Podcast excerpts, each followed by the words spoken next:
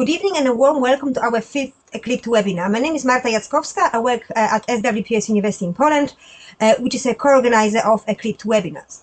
Uh, today, uh, we will have a great pleasure to listen to a keynote lecture given by Professor Rory O'Connor from the University of Glasgow. Uh, Professor O'Connor is a health psychologist and one of um, leading world and definitely European experts on suicide and self-harm.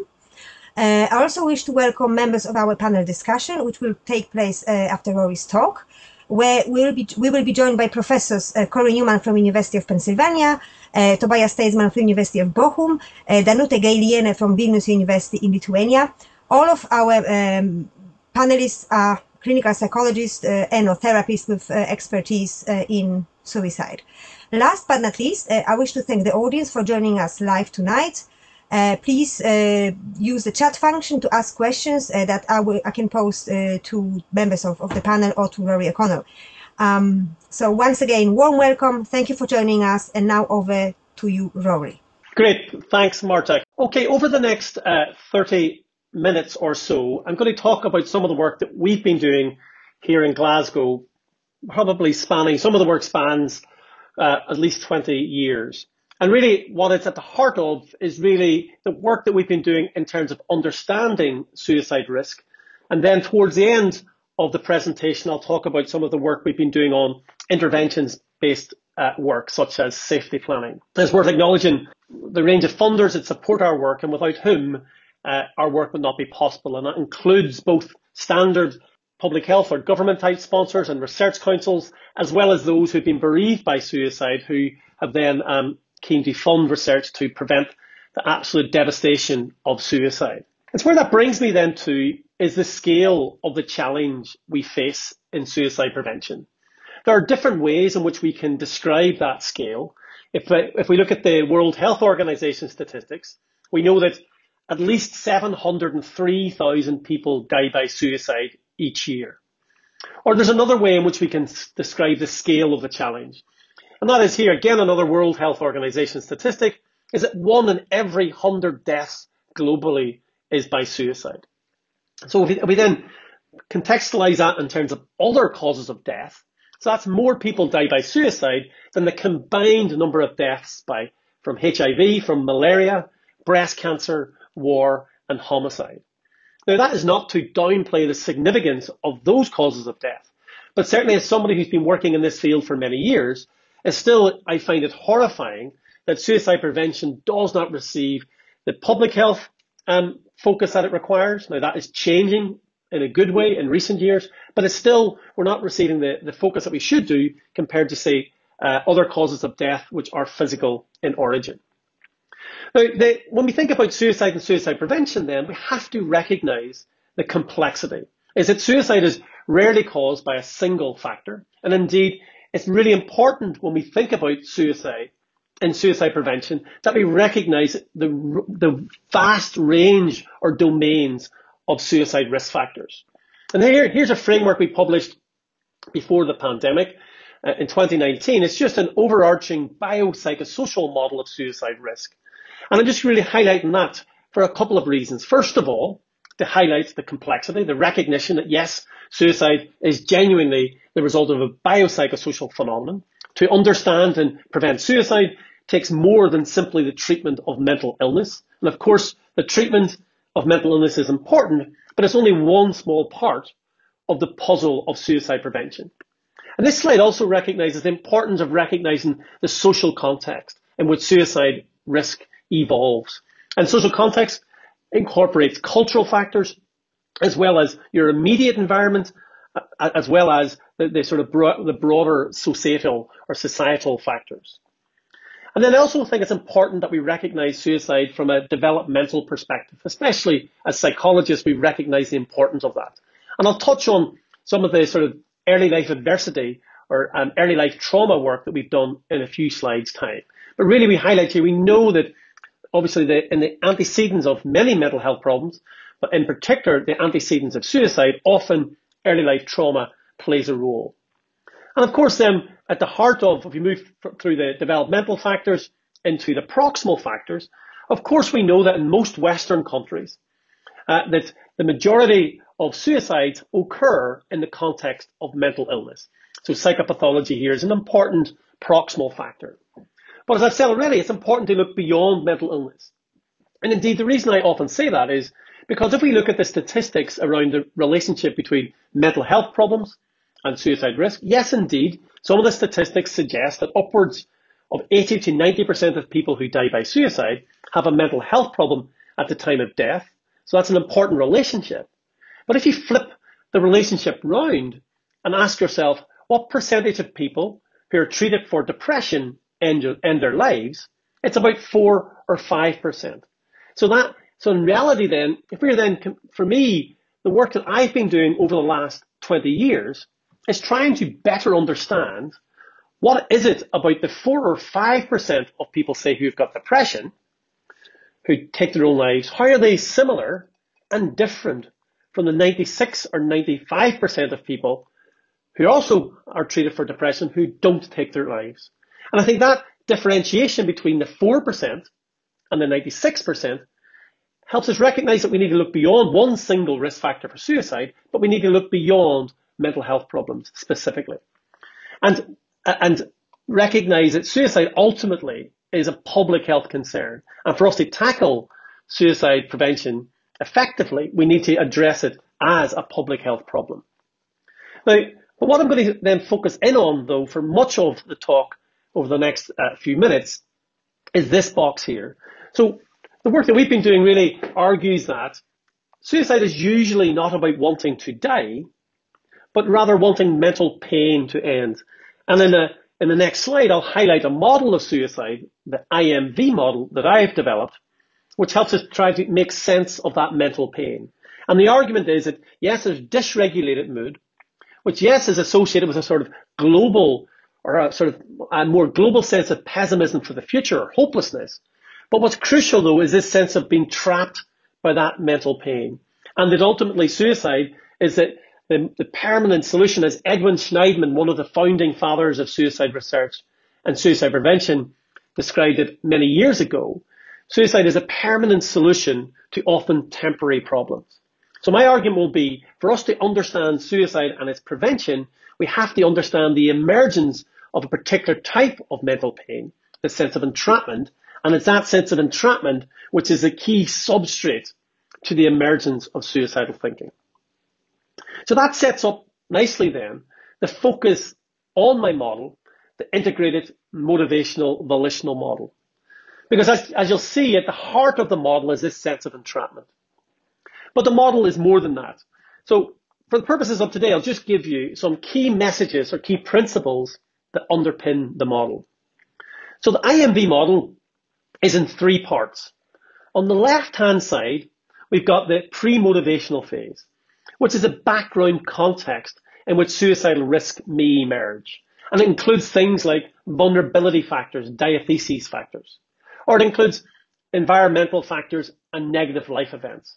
Because we know that in almost every country in the world, there's a really steep socioeconomic gradient associated with suicide.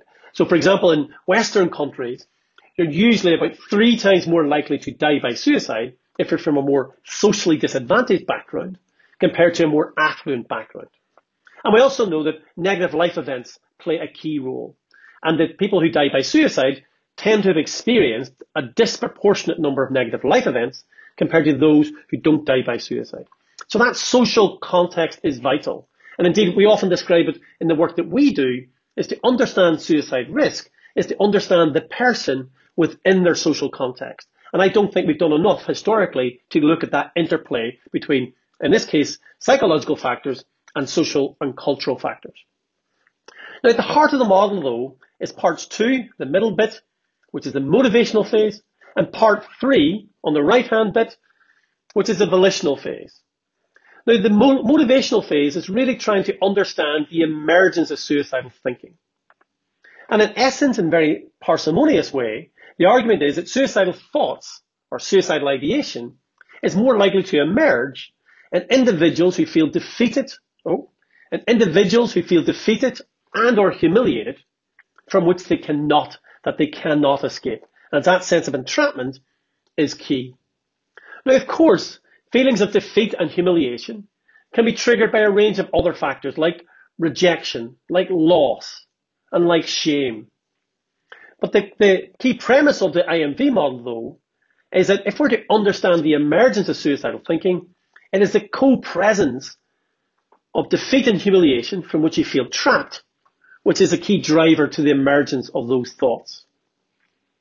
And then the last bit of the model on the right hand side is the volitional phase, and it's trying to understand this transition from thinking about suicide to acting on your thoughts of suicide. And again, the best evidence suggests that about 30% of people who have thoughts of suicide cross the precipice from thinking to acting. And in essence, really then the volitional phase is trying to understand who's more likely to cross that precipice. And according to my model, there are eight key factors. The volitional factors or the volitional moderators, which I'll return to in a couple of slides time, which help us to understand that transition. So then just to have a brief summary then. So the model in essence argues that defeat and entrapment are key to the emergence of suicidal thinking, but the factors that govern the transition from suicidal thoughts to suicidal acts are different. That transition is governed by a group of factors called the volitional factors. As I say, I'll return to those in a couple of slides time.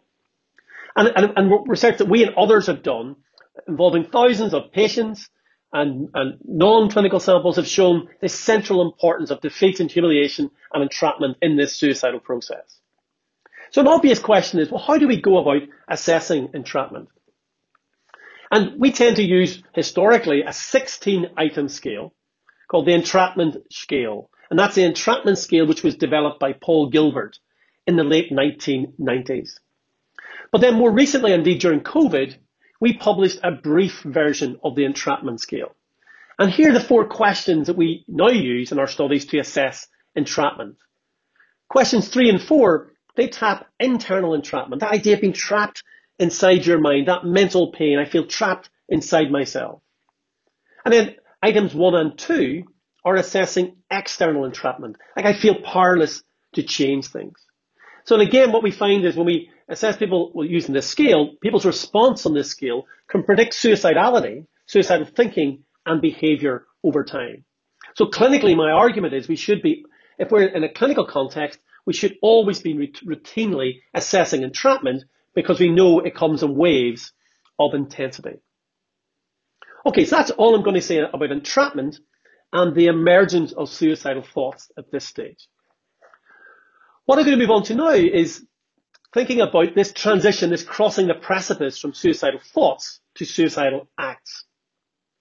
And uh, during the pandemic in 2021, or I wrote the book uh, the When It's Darkest during the pandemic. It was my attempt at synthesizing both my personal experiences as well as my professional experiences over the last 20 or so years. And in the book, I talk about various people I meet or I've met on my journey of, in terms of suicide prevention. And here's a heartbreaking quote from a mother who lost her son to suicide. I never thought he'd do it. A few weeks before his death, he had told me that he had thoughts about being dead, but I was too scared to ask him directly whether he would kill himself. I haven't stopped asking myself why I didn't ask him. Not a day passes when I don't torment myself with this question. When I look back on it, I just didn't think he the type of person who would kill himself. I know how ridiculous that sounds, but he was just always so full of life. Heartbreaking. And it's heartbreaking because it illustrates that for so many of us who've been bereaved by suicide, and I speak as somebody who's lost two important people in my life to suicide, is we often ask ourselves the question, what could we have done differently? But as we know, all of us who work in the field of suicide prevention, we know that it's our ability to predict who will die by suicide sadly remains no better than chance. But there have been advances made in helping us understand who is more likely to act on their thoughts of suicide. Indeed, that brings me back to my IMV model. And if you think back to the third part of my model, that right-hand bit, the volitional phase, that's my attempt to understand that transition from suicidal thinking to suicidal acts. And all I've done with this slide is I've blown up the third part of my model, the volitional phase, to make it hopefully easier to understand. So in essence, what we've got here is people who have suicidal thinking on that left-hand bar, and then on the right-hand bar, we've got people who act, who, who act on their thoughts, engage in suicidal behavior. And then the eight boxes in the middle outline the eight volitional phase factors, which I argue the presence of these increases the likelihood you cross the precipice from suicidal thoughts to suicidal acts.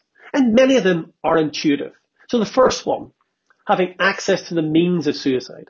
It's thus to reason that if you have thoughts of suicide and you've ready access to the means of suicide, you're more likely to act on your thoughts and cross the precipice. Exposure, the third one, because we know that knowing somebody who's died by suicide increases our own risk of suicide.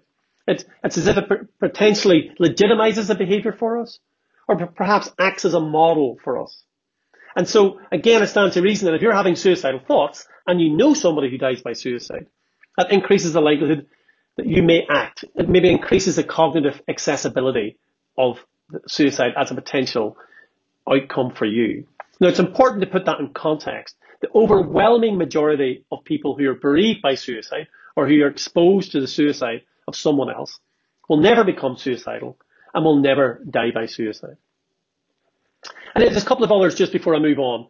So fearlessness about dying and death, this third last one. So again, the idea is if you're having suicidal thoughts, you have to overcome the, the, the fear instinct, the fear of death.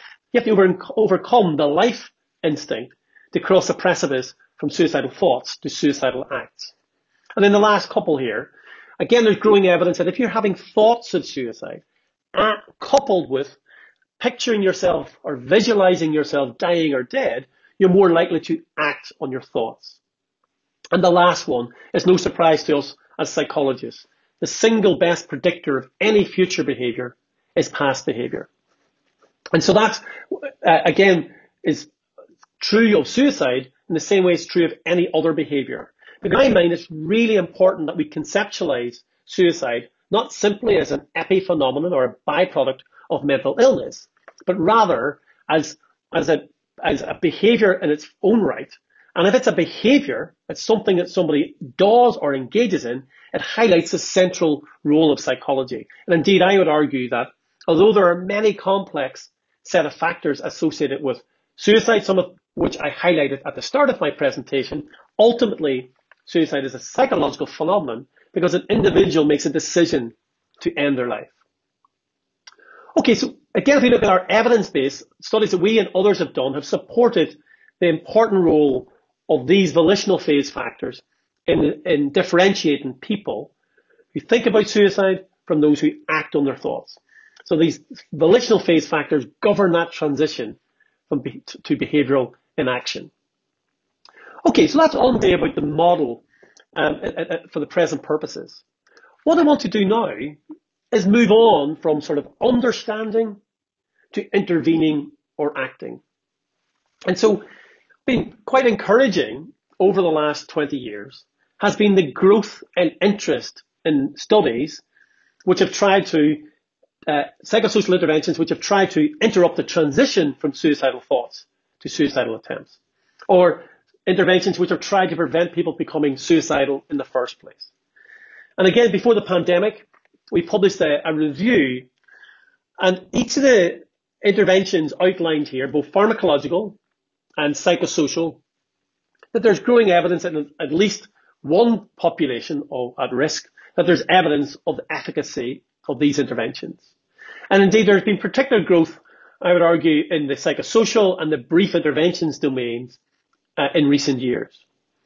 But what I want to just say a few words about today is safety planning, which is an intervention which I always conceptualize as crucially at the heart of trying to interrupt the transition from suicidal thoughts to suicidal acts. The safety planning is widely used and it was developed by Barbara Stanley and Greg Brown in the United States. And, and it grew out of the work that they did with uh, veterans in the United States. So those of you who are less familiar with safety planning. It's a very simple, brief intervention which has six steps. In step one, you work collaboratively with the individual who's suicidal and collaboration and co-creation are absolutely central to the administration of safety planning. But you help somebody identify the warning signs that a suicidal crisis might be developing. And then steps two, three, four, and five are about identifying individuals, organizations, or places that you can contact either to distract you from an escalating suicidal crisis or people you can talk to if you're concerned you cannot keep yourself safe. And then step six, entitled here, making the environment safe, is again working collaboratively with an individual to hopefully agree that if they've decided on a particular method of suicide, that you work collaboratively to increase the distance, both psychologically and environmentally, between the individual and that method of suicide. And so the, in, in essence, really, then what the sa- safety plan is trying to do is recognize that we've got suicidal thoughts, and we know that suicidal thoughts have this natural arc. They increase in intensity, so they wax and wane, and then they resolve or recede. And what you're trying to do with a safety plan is hope that if an individual is having suicidal thoughts, if they've got a safety plan, that, that there's that natural resolution of the suicidal thinking without a suicidal act. You don't want the individual who have suicidal thoughts for those to continue to escalate and escalate and lead to a suicidal act. Now again, during the pandemic, with colleagues across Europe, Belgium and the Netherlands, we published a review of the a meta-analysis of the evidence for safety planning type interventions. So this is looking at safety planning um, or any intervention which had a safety planning component. So it's pretty heterogeneous.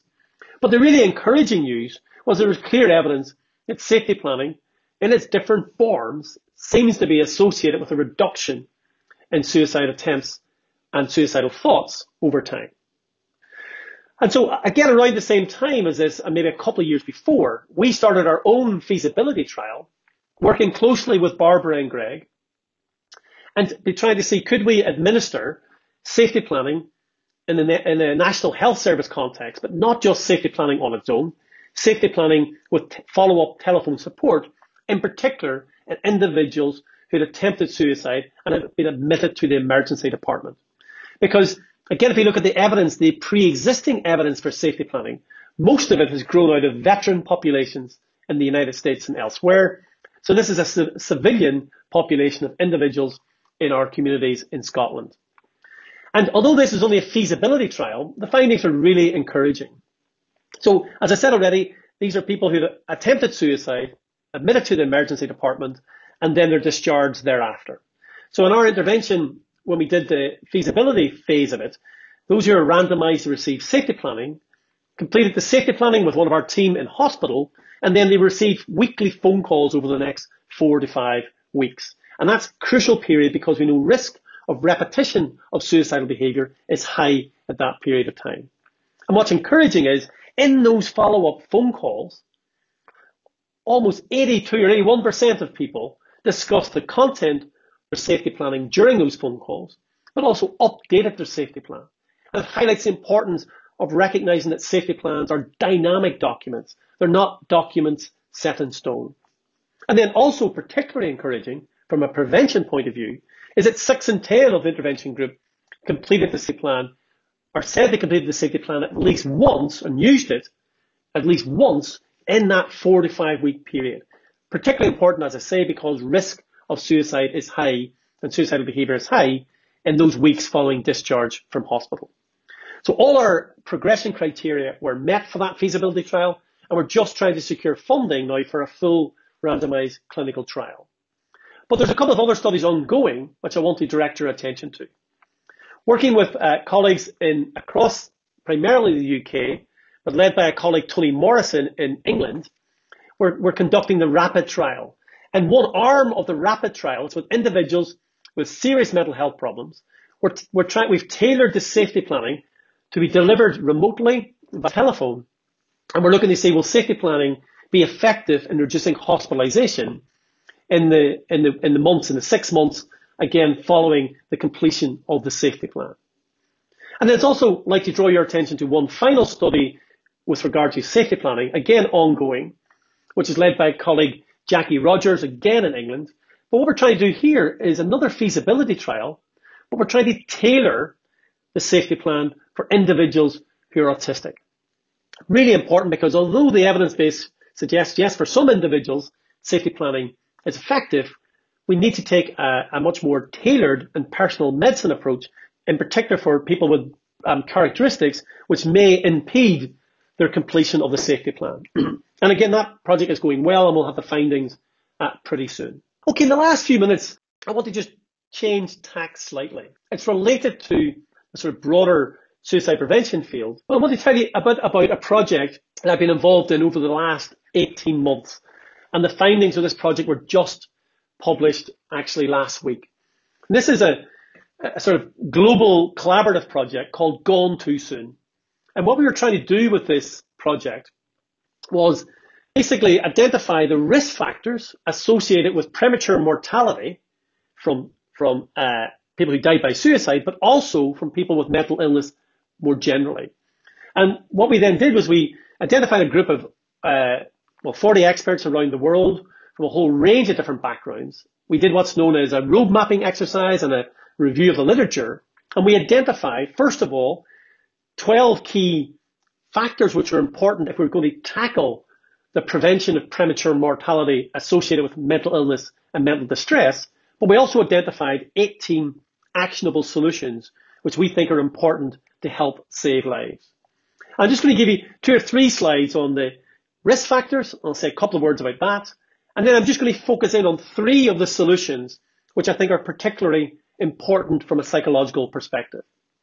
So what was really noteworthy, this, this slide just summarizes the 12 overarching risk factors and mechanisms, which we were, there was a lot of overlap about the risk factors and mechanisms associated with suicide and mortality from suicide. A lot of overlap with that and mortality uh, with the comorbidities associated with mental illness. And all I just want to just highlight is what's central to these mechanisms, I mean, a central role for our psychological processes and factors. Again, unsurprisingly, things like defeat, humiliation, entrapment, burdensomeness, feeling lonely and disconnected are important, as well as things on the left-hand side, like the really understanding the stress response system, how the body responds to chronic stress, and so on. But what overpins all of it is taking a sort of structural inequalities lens and recognizing that, that again, death, premature mortality, both from mental illness and from suicide, is always socially patterned. So then in terms of the 18 solutions, as I said a second ago, I'm just going to say a couple of words about three of those solutions, and then I'll bring my presentation to an end. So the first one I just want to note again, this came up time and time again in this road mapping exercise that we engaged in. It was a solution number 12. And it fits nicely with what I just said about safety planning. And although safety planning there is growing, there is a growing evidence base for its efficacy, we don't yet know who it works for. Who's it most effective for? Does it work for all individuals? Does it work for men versus women? People who are autistic versus those who are not? People from ethnic minorities? So again, one of our key solutions here was we need to, first of all, improve access to these effective treatments, but also they need to be personalized. And, and, and we need to better understand um, what the sort of mechanisms of action are. Why do they work? Because although there is growing evidence for the psychosocial interventions, in particular in the suicide field, often we don't know why they work. We don't know what the active ingredients are. And compassion has to be embedded in all aspects of that service provision and service delivery and continuity of care to ensure that um, people who are discharged from hospital following a suicide attempt, for example, receive ongoing support if they need it so they don't fall through the cracks. And then the second of the three solutions I'm mentioning from the Gone Too Soon project is, of course, perhaps unsurprisingly, we really need to harness our digital opportunities and big data, again, to help us better build effective personalized interventions. And although we've highlighted the importance of these digital opportunities in the paper, we also um, have a lot of caution exer- exercised because we know that the concern is that some of these interventions or risk factor modeling exercises um, can be associated with um, leading to discrimination in some groups and not others because they're often modeled for a partic- the majority population and don't take into consideration these the ethnic differences or other group differences. So although these are really exciting opportunities, we need to be careful. And the last of the sort of three um, from Gone Too Soon. And again, this hopefully brings us to where I began the presentation, talking about understanding an individual in their social and cultural context. And I think that, that and what we highlight here is yes, we need to better understand the interplay between biomarkers, but biomarkers in, in and of themselves, I don't think will really move forward or lead to a step change in suicide prevention unless we understand them in the context of an individual's lived experience. Okay, so that was a sort of whistle stop tour of some of the work that we've been doing right up until the most recent paper we just published last week. Where I want to just bring it all together then are what I describe as the four C's of suicide prevention. So it doesn't matter if you're talking about understanding or intervening or preventing more broadly. But we need to, as I've mentioned already, ensure that compassion is embedded throughout all our interventions because too often people who are suicidal still are receiving care in which not only are they not receiving compassion, it's making matters worse and they leave feeling more ashamed, a burden and a waste of space. We have to embrace the second C of these four C's is realizing the complexity of suicide prevention. But crucially, although we can recognize that complexity, frameworks like the IMV model help us make sense of that complexity. And again, psychology has a key role to play to that end. And then the last two C's is that there's different ways in which we think about connection. But we know again from all aspects of suicide prevention, anything that promotes a sense of social connectedness can be potentially life-saving. And then lastly, care. I think we need to think about different models of care. Our traditional models, for example, of going to a clinician and receiving your care and support, yeah, that might work for some.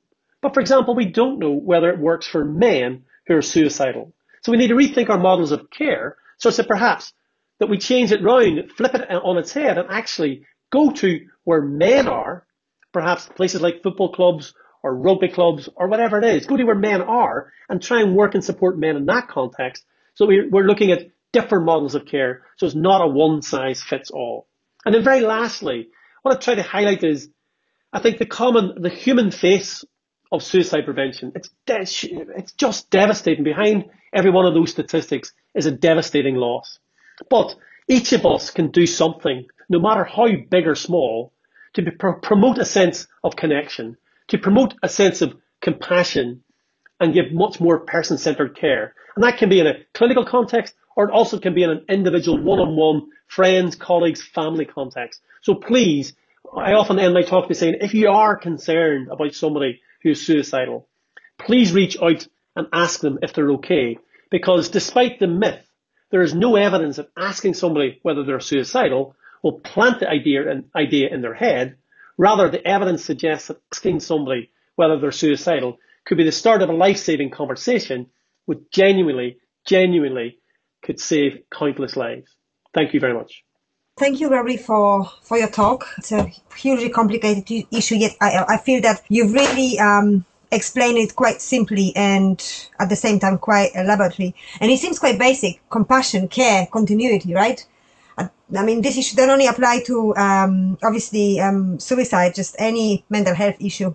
So thank you very much. Uh, it was truly fascinating. Now we will have a short break. I have two good questions from the audience. I will pass those on. And after the break, uh, each of the panelists will say a few minutes um, what the, their point of view is on, on the topic, and then we will have a joint discussion. So bear with us, and let's see after the break. Welcome after the break. Uh, now uh, we will have statements uh, from each of our panelists, uh, followed by a discussion, and then I've passed your questions to Rory, which will handle them um, after we have statements from our um, members of the panel. So if I could have Cory, please. Rory, thank you so much for your presentation, which is so important on so many levels. Let me start by saying that access to care is a very difficult goal to achieve. You are trying to do this in your work. It's wonderful. Um, I have been very disconcerted by some statements made, even at, at the very highest levels from National Institutes of, of Mental Health in the U.S. Um, up until recent years, that our treatments are failing. Looking at the at the rising rates of suicide, that uh, a conclusion or at least a hypothesis was was put there that our treatments are failing. And I don't believe that's true at all. I think our treatments, as typified by works such as uh, Brown and Stan- Stanley and Brown, their safety planning, and many others in your own work, and uh, uh, Craig Bryan, and so forth. The, the treatments are wonderful, but it's very difficult to, to give, pre- present, present that to a large number of people follow up is required, and your program is doing that. So I think that provides great hope for the future. I think also that life is becoming more difficult, and that's, that's a general statement, but we have more existential threats, more fracturing of society, less support, and, and less compassion, as you're saying. So I think life is more difficult, access to care is more difficult, but the treatments themselves, I think, are promising. Safety planning, you're right, is it's simple to do, it's simple to learn. Many practitioners can apply it. It can be done as a single intervention in an emergency department. It can be done as part of ongoing therapy. And of course, like any other um, portable treatment, it's not perfect. It needs to be individualized, as you've said.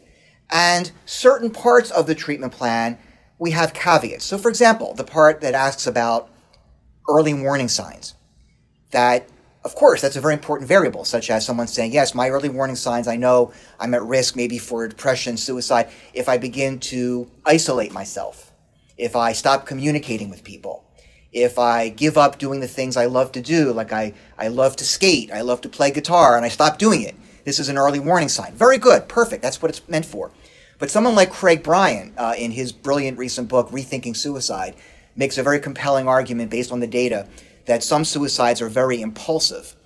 And it's difficult to ascertain an early warning sign when the, the, the suicidal behavior can be so impulsive.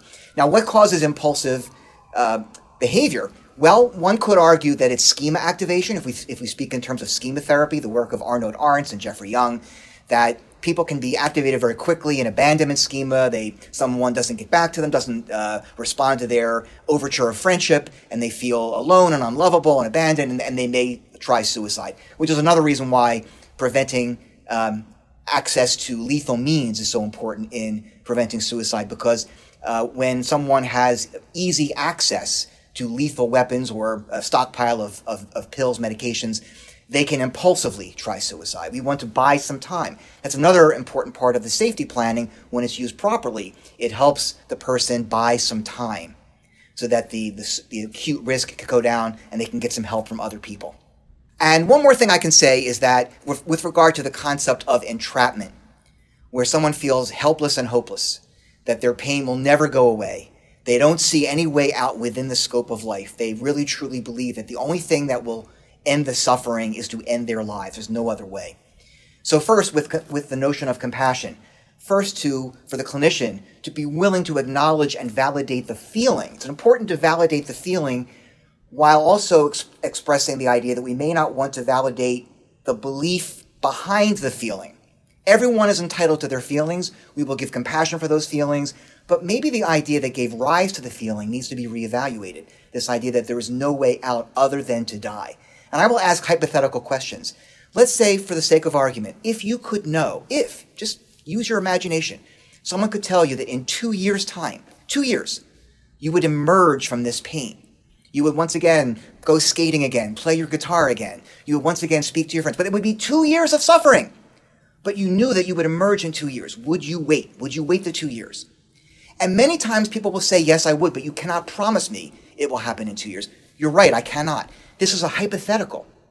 But there will be no two years if you die. And I wonder if we can talk about building up your curiosity for what your life could be like in the future when you reemerge. Right now, it's, it's impossible to imagine. But let's envision that. This is the opposite of people having the risk factor of envisioning their death. This is envision a reemergence into a less painful life. And it's a process. It's not something that any, even the best cognitive behavioral therapist will not convince this horribly in pain person that things will be fine in two years. It's not a matter of convincing. It's raising reasonable doubt. Doubt about the idea that they'll never reemerge. They'll never recover.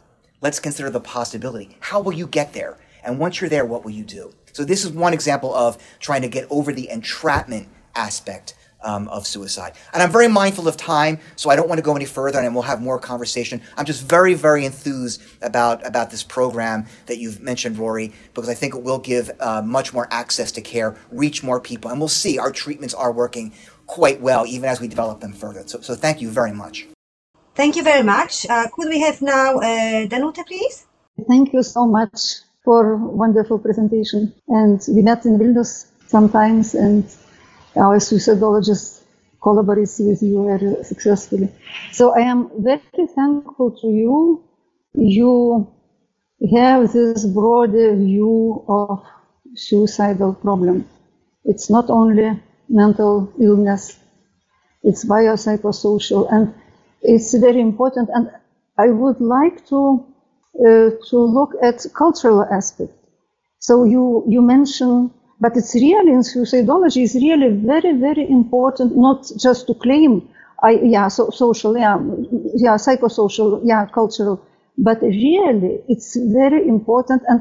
I think our countries, Baltic countries, are is very very good example how important cultural and social um, how to say factors are. If you if you take a look at suicide rates and fluctuations of suicide rates in Baltic countries, so Estonia, Latvia, and Lithuania, during last nearly not 100 years, but during last 80 perhaps years, it's just I sometimes look at this uh, curves and this and this epidemiology like and I see drama. I I read uh, book of history, and it's amazing how all these historical fluctuations um, coincide with uh, with fluctuations of suicide rates. Uh, when the second Soviet occupation came, suicide rates in all three Baltic countries increased, increased for many years. Uh, so increase was about eight, ten times. Then independence movement came and suddenly drop in one year. 25% uh, drop, it's the right word, drop of suicide rate. And during this period of, of fighting for independence, of this very, uh, very exciting time, uh, some five years suicide rates used to be quite low in comparison to, to, to, to what was before. And after independence, one more cultural trauma came. So this reform time was very, very painful. Uh, Professor Sztompka from Poland called it a pains of transition. So the change, historical change was very positive. Everybody was happy about independence, about freedom, about everything. But the process of, of restor- reformation was very, very difficult. We didn't have resources. So it was uh, one more cultural trauma. Everything collapsed. The, all things, the systems collapsed we had to to to do from the very beginning to to to create our, our states. So uh, and it costed a lot of lives. Suicide rates increased uh, after independence till 46 per 100,000. Who knows about rates? You, you can see it's very impressive. Uh, 46, and it lasted about 10 years. We were very high on suicide rates and only afterwards now uh, suicide rates are decreasing. So um, I think this example is about importance uh, of psychosocial cultural factors, cultural traumas, and uh, it raises some interesting questions. For example, if we look at all these uh, East European regions, so as you know, part of of it we are in Soviet Union, occupied by, by Soviet Union. Another part was so-called Warsaw Pact, so so-called socialist countries like East Europe. The dynamics of suicide rates was different. And for example, uh, after um, after um, fall of Berlin Wall, suicide rates in East Germany didn't increase. Not in Czechoslovakia, former Czechoslovakia, only in Baltic countries. What is and from from our experience, we know it was different to live in Poland. Ladies, Marta, Malgosia, to live in Poland was different um, as to live in Soviet Union, to be Soviet republics. So it's empirical knowledge, but how to compare, how to find which factors, what is, what is different? Why suicide rates so high and so increasing here and not so much here? Why after independence our rates increase so dramatically, but not in these countries? It's one thing. Another, and uh, of course, we are looking for factors in, in our society. What is what is typical? For example, we knew during the Soviet time alcohol consumption as coping mechanism was very, very, uh, how to say, common. And only now in recent, in recent um, um, research, we found not alcohol consumption as such, but motivation, reason behind alcohol uh, does matter. If, if somebody takes alcohol because of bad mood, because of self-healing, so to say, it's, it's becomes a risk factor. Or for example, um, mm, restricted emotionality. We can, is very common in Lithuanian sample, especially in male sample, but we can see it also as historical process, as, as a result of historical traumas, because uh, we can follow long-term effects of Soviet occupation and uh, psychology was very, how to say, the society was very um, controlled you every everybody has to hide their own life, their own emotions, and even in families, we as psychotherapists meet now adult adult uh, people, adult children of this from Soviet time, and we hear every day in our in our psychotherapy, uh, restrictive, uh, silent, no no no share emotions, no express themselves, uh, and so on. So if we look at these things from our perspective, in every country is different, but it's very interesting. It's because I am so thankful to you, colleagues, to Rory, uh, when you raise these broader questions, broader perspectives. It's it's alive. It's history, it's society. It's it's the world in which we live, our our patients live, and it helps uh, us to understand. And it also shows we have to know our own factors as well. So what what is important in Glasgow, mm, in Rory's um, uh, society, is different in our society, and in Germany is different.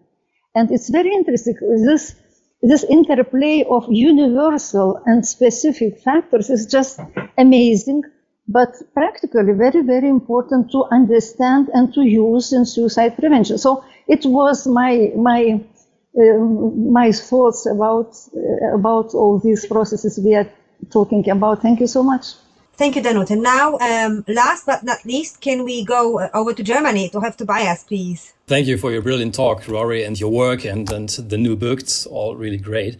And let me start with saying that I really like the IMV model as a framework to understand the suicidal process. And from my clinical and my research experience, I would totally agree with the importance of entrapment and mental pain as, uh, as key drivers of suicidal ideation. Yet I would really love to get to know some more of your thoughts on a slightly different aspect. So I was recently watching a CAMSCare webinar you gave, and within that presentation, you quoted from your own PhD thesis by saying something along the lines We cannot predict with much accuracy who will attempt suicide or when. And we all know that this is an unsatisfying yet very true statement, isn't it? And as such, we always have to be aware of the fact that a significant statistically prediction is not the same as clinically relevant or meaningful prediction. And uh, Rosen wrote about that already in 1954 or something. And then uh, Joe Franklin and colleagues, they highlighted this in their famous meta-analysis in 2017. And then Craig Bryan elaborated on this aspect in, in, in the just mentioned book, uh, Rethinking Suicide. So bottom line here is, even when we know about statistically significant risk factors and warning signs for suicide, we are no better than chance level, as, as you just mentioned, in predicting who is going to die by suicide or who is going to attempt suicide. So suicide is a rare event, for God's sake, and we all know from basic courses on statistics that events with a low base rate cannot be predicted with a certainty. And to make things even more complicated, and you, you mentioned that already, suicide ideation shows a highly fluctuating course. And not all suicidal patients will disclose their suicidal thoughts to us. And the suicidal process does not always develop along a continuum from suicidal thoughts to plans to, to, to suicidal behavior. And finally, the transition from decision to die by suicide to suicidal behavior seems to happen rather often within hours or, or even minutes. And again, all of this makes it really difficult, if not impossible, to accurately identify those persons at highest risk of suicide. And if, if, you, if you take the data serious, they might not even know themselves about their risk at, at a given moment. And now the IMV model incorporates a large range of, of risk factors and protective factors, and such the complexity inherent to the suicidal process is represented in the model really well. And still, I would doubt that, that the model would allow a more accurate prediction of, of, of, of suicidal behavior. Not because the model is not good, don't get me wrong, but because the, the, the, task is kind of impossible. So, to cut a long story short, here are my questions. First, how do you deal with the problem that accurate prediction was not possible at the time of your PhD thesis, might still not be possible, possible, and presumably will never be, even when using some fancy machine learning algorithms? And how does that affect the scope of applicability of the IMV model? So, in essence, I really would like to know all of your thoughts on the importance of theoretical models highlighting specific uh, suicide drivers in a context that is characterized by complexity. So please don't get me wrong. I really don't want to offend you. It's just, it's kind of, uh, I'm kind of struggling with these questions myself. So thank you. If I may interject, um, I, I can just say that one approach clinically is to take everyone seriously. So anyone, anyone who is thinking about suicide, as clinicians, we think, okay, this person is very much at risk. Let us treat them as if their life is very much in danger. And we could say statistically it's probably not true, but clinically we have to take that burden and assume that it is true, which is part of why self care is so important because the work is very emotionally draining when we take for granted or we assume that everyone who says that they're thinking about suicide is actually in danger of suicide. But I think we have to take that approach to be safe clinically. Um, no, I agree with that, Cory. Uh, no, they're, they're, great questions, Tobias. Um, so uh, for me, it comes down to what's the function of a model, and so yeah, I, obviously we've all written about and, and, written that suicide is no or prediction is no better than chance, and so I so the way I see it is is there the question is is it the fallacy of prediction, right? So I don't think we'll ever get to a situation in which we will be able to predict suicide in a well it depends which population, but with sufficient sensitivity and specificity that we'll be able to predict an individual death. I just I don't think that is possible. But no, there have been studies. If you look at, for example, non-suicidal self injury, some of the uh, machine learning models have um, have got decent like sensitivity and specificity values of 80 plus 80 percent, 90 percent. But if you look at the samples that they've sampled, they've sampled a high risk group of people who then the base rate, obviously for the non-suicidal self-injury has increased. Of course, if you increase the base rate, your ability to predict is greater. And actually, with Derek de Beurs and colleagues, we published a paper a few years ago on this sort of issue of um, lo- looking looking at this. And Derek has done a lot of work trying to to, to, to look at this in, the Netherlands. So, but but that but I don't think that's a failure, right? So that's a statistical artifact, as you said, that that if you if you focus as the outcome, ability to predict will always remain poor. I think wouldn't get better, but it'll still be um, not optimal. So you can, we are a bit better predicting suicidal attempts, suicide attempts, and we're probably better still at predicting ideation. And if you speak to Dave Jobes, for example, or Thomas Joiner, they wrote a lovely piece in Crisis a few years ago, trying to say, well, actually, Dave Jobes is really eloquent on this. Um, we have to, why do we ignore ideation as a treatment target, right? Suicidal ideation, index of distress, we should be targeting that. Because if you target the ideation, even though I agree with Craig, Craig Bryan and others that there is a certain percentage of people that perhaps there's no, you could argue, um, like the impulsive bit, like see in terms of the signs, it's more difficult to identify those. And we could argue over the extent to which ideation is present or absent. But I think there'll be some level of ideation even for a short period of time. So, so that, so, so I don't have a problem with that. But the, for me, then the, the, the question is, well, what's the function of a model or uh, in, the, in that context? And the function of the model, uh, I see the IMV model, is to inform treatment planning informed care, and then taking up Cory's point. So what you should be doing then is, if we accept we our ability to predict is no better than chance, then we should be giving everybody the best possible care if they're expressing suicidal thoughts to protect as many people as possible. And that's why, for example, I really like safety planning because safety planning um, is it's possible to give that in a much more, I think it should be administered much more public health, in a public health context, so as many people are kept safe as possible. And the other reason, uh, the, the thing about the models in terms of informing care is, you do then, a model like the IMV, you get treatment targets. So in the way that, uh, and we're trying, we're, we're developing some, doing some stuff at the minute and sort of developing a, for, a risk formulation sheet based on the IMV model. And so again, it's not about prediction. It's about saying here, you're, here's a way of trying to understand your clinical formulation. Here, the sort of say you could be um, assessing over time the, the different components of the model and looking at those fluctuations and going, well, actually, I notice that your your levels of entrapment have increased. So let's let's understand what are the drivers to that. So I think if you use it, and that's the way I see it, because I don't think any model will you'll ever get to that prediction. And then so the last thing, and then I'll I'll, I'll shut up is um is oh, it literally has just gone out of my mind. What I was going to say last thing, uh, last thing is just completely gone out of my head. But anyway, so I'll, it'll come back to me later. Well, come, come back and interrupt. That's fine. You know, I think we had a question about what, what we, how do we respond to someone that we conceptualize as using the threat of suicide in order to manipulate other people? Um, in order, you know, if you don't do this, I'll kill myself. It's, it's your responsibility to do the thing I want you to do, whether you're the clinician or a family member or whatever. Um, and obviously, it's a very complex topic. It goes under the category of therapy interfering behaviors in DBT, Linehan's model, but also in everyday life under the category of emotional blackmail. Very dark, dark topic. I'll try to ask, answer that very quickly by saying that first, we take every threat seriously. So if someone appears to be using it as a manipulation, they still may be serious. But I think we have to address the communication. We have to address the fact that they are using the threat of death as social influence. And there are many healthier ways to express your needs than to threaten your own death. And can we work in therapy on how to express your needs in a way that will bring you closer to people in a healthy way rather than closer to others in a way that is full of desperation and tension and ill will. So it's a, it's a matter of changing it into a communication style. That's a very simplistic overview, but I've tried very hard to address the issue with a minimum of shame. And I try not to use the word manipulative because it's a buzzword, but I'll talk about social influence and that there are healthy, mature ways to apply social influence other than the threat of death.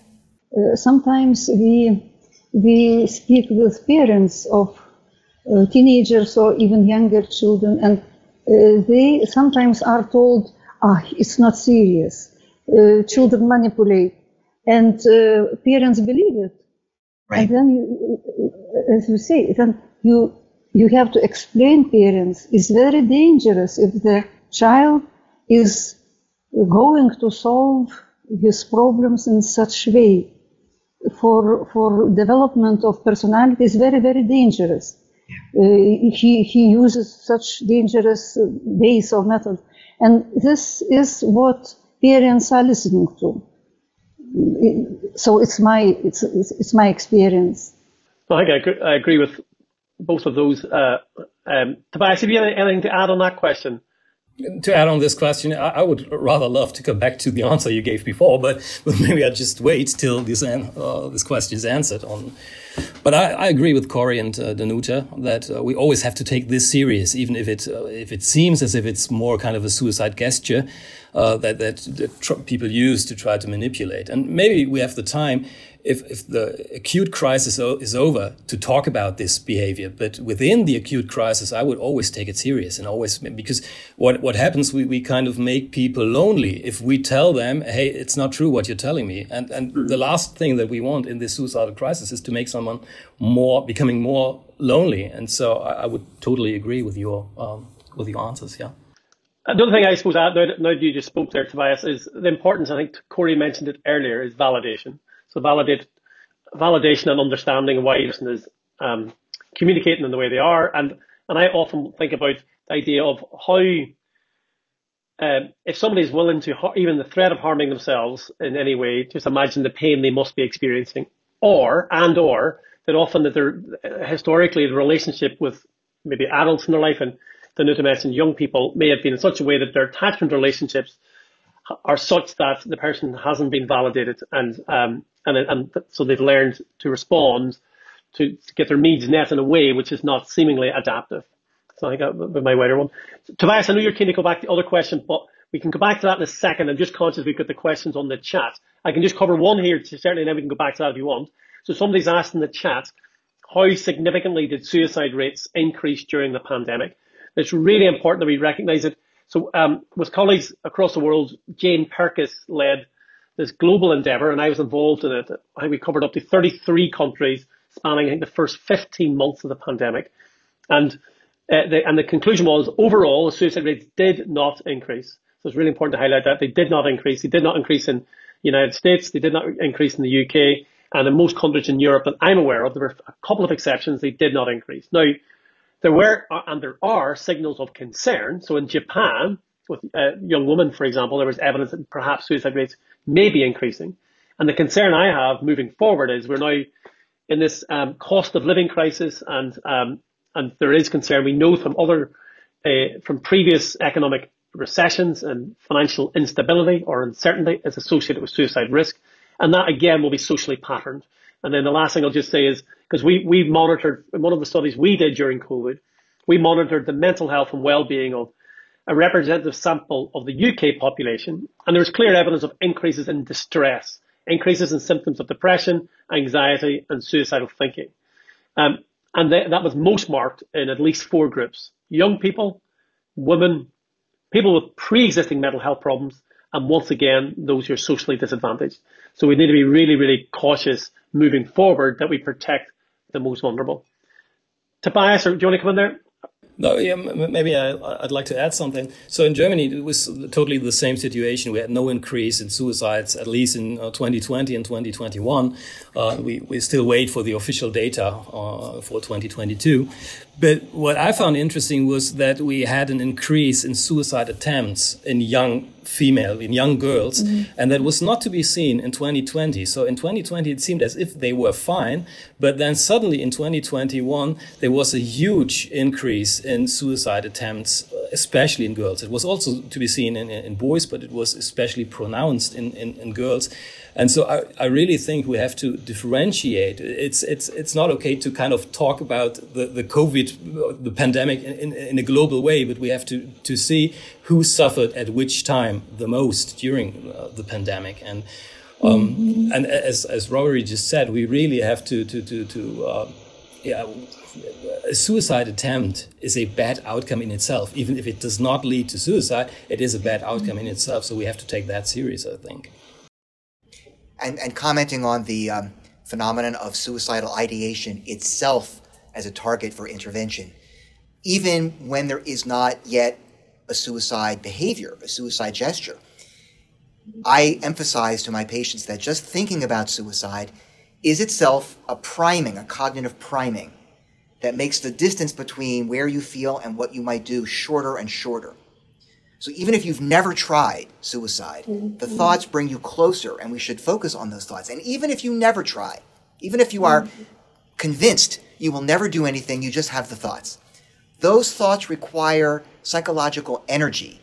Those thoughts require a certain maintenance, a lot of energy that could be used for personal growth, for interpersonal mm-hmm. relationships, for curiosity about what you could learn, is now diverted into this area of just very negative nihilistic thinking.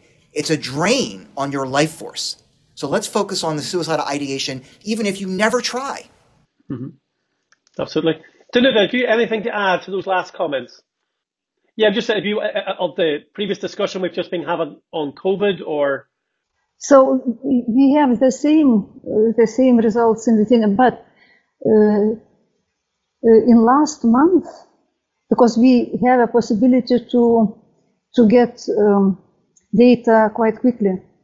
And uh, war is very very big stressful uh, situation by us. I, I, know not not in all countries is is so, but here is very very stressful thing. Uh, and in last some months, suicide rates increase in, comparison to to to previous years. But you know, it's, it's very short time and we cannot be sure is it tendency or just, just artifact. So, uh, yeah, but yeah, yeah, yeah, we, we are curious what is going by us now. So okay, some, no, something new, something different, but but very short time. We, we don't know for sure what, what tendency it is.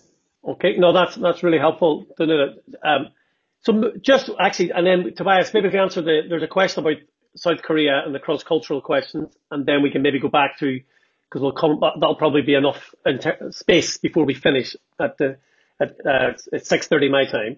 So somebody's asked the question, um, are there any cross-cultural differences? And I think this question was asked before Danuta had given her, exa- her great um, opening remarks when you talked about the, the cross-cultural differences and the specific question. So the short answer is yes, there are huge cross-cultural differences.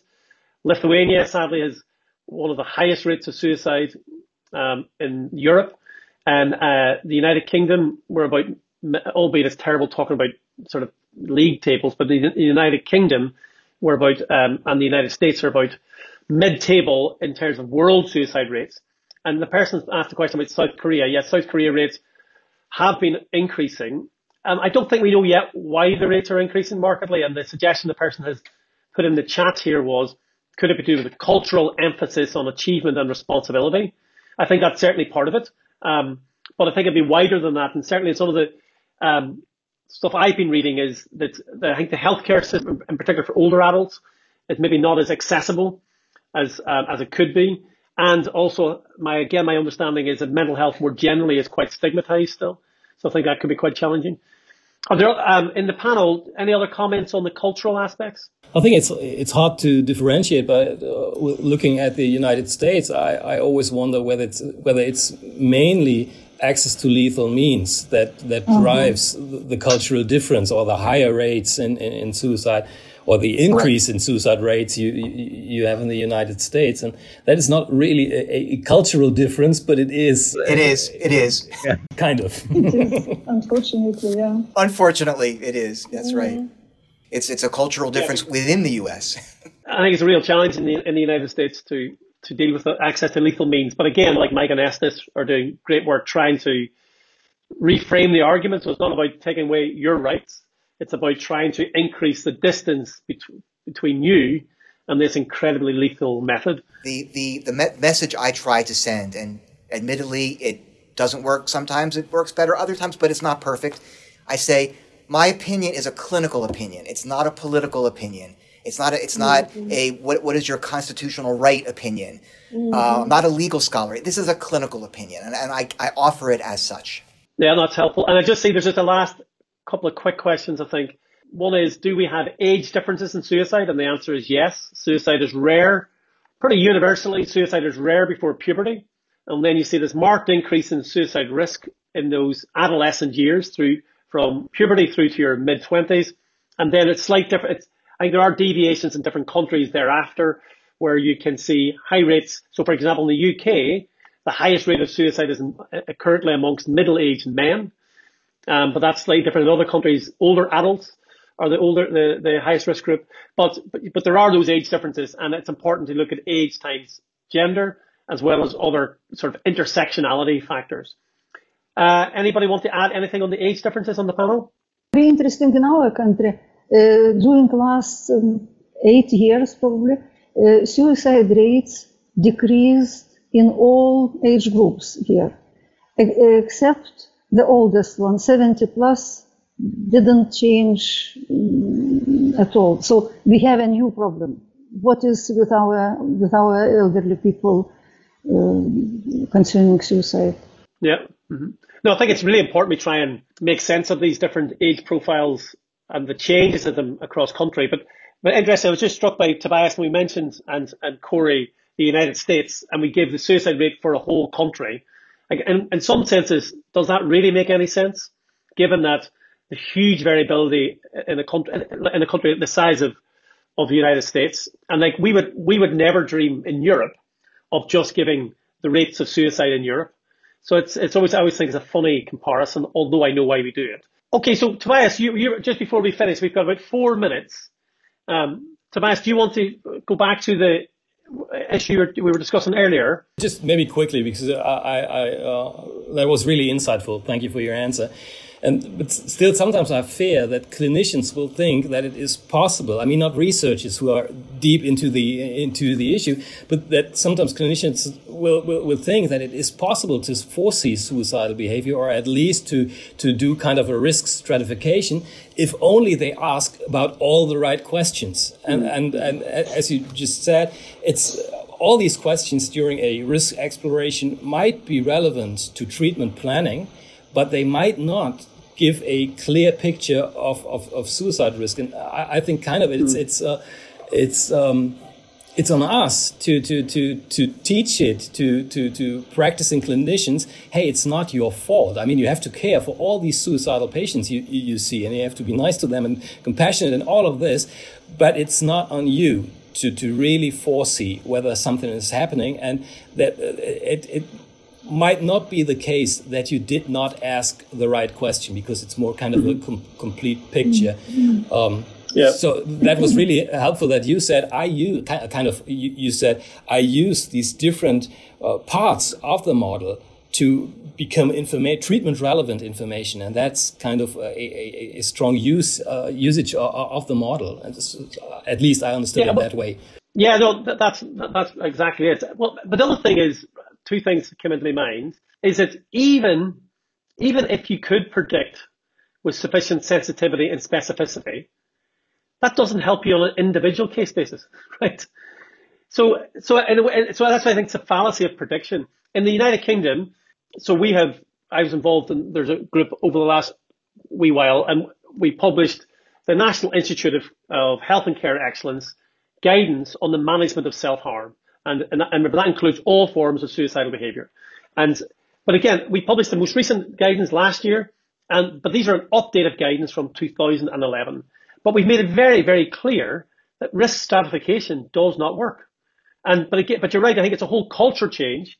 And so what we're trying to promote in those guidance is this risk formulation approach, which is about at the heart, it's person centered and trying to say, actually, we're trying to give the person the best treatment to understand what is going on in their life to increase their risk and do whatever can to mitigate that risk.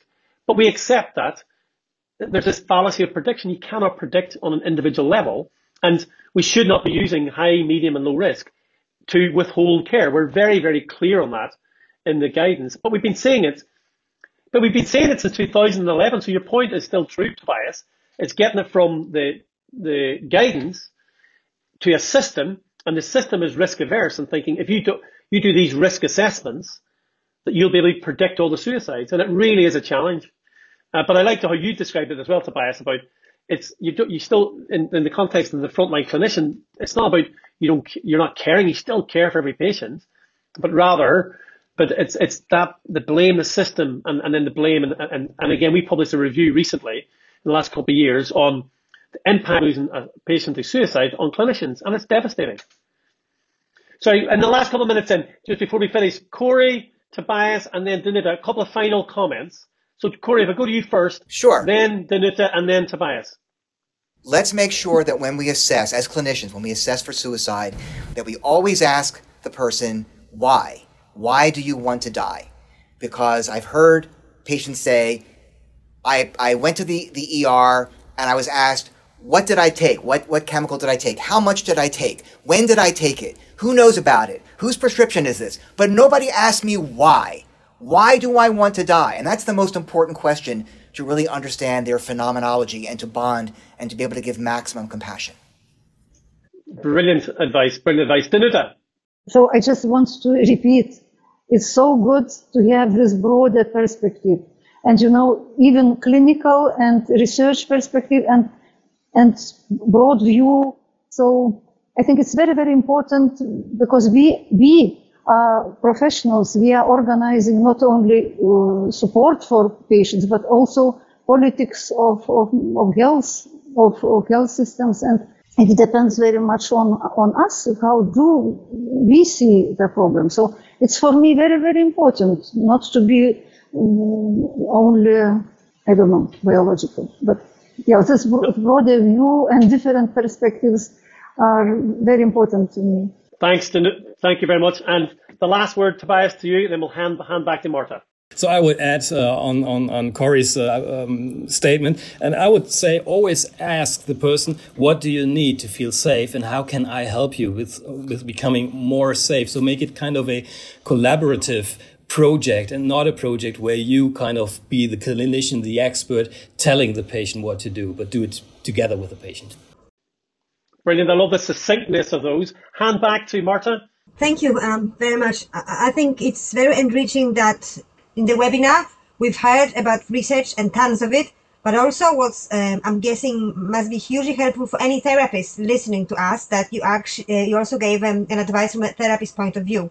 I, I, hope I will be forgiven for just summing up that um, from a research point of view, um, suicide may be fascinating and you know why it happens, but it's a public health issue. And when I see anything that is published in BMJ, then I know it's getting, um, you know, this is getting sort of attention of, of, of a public health domain.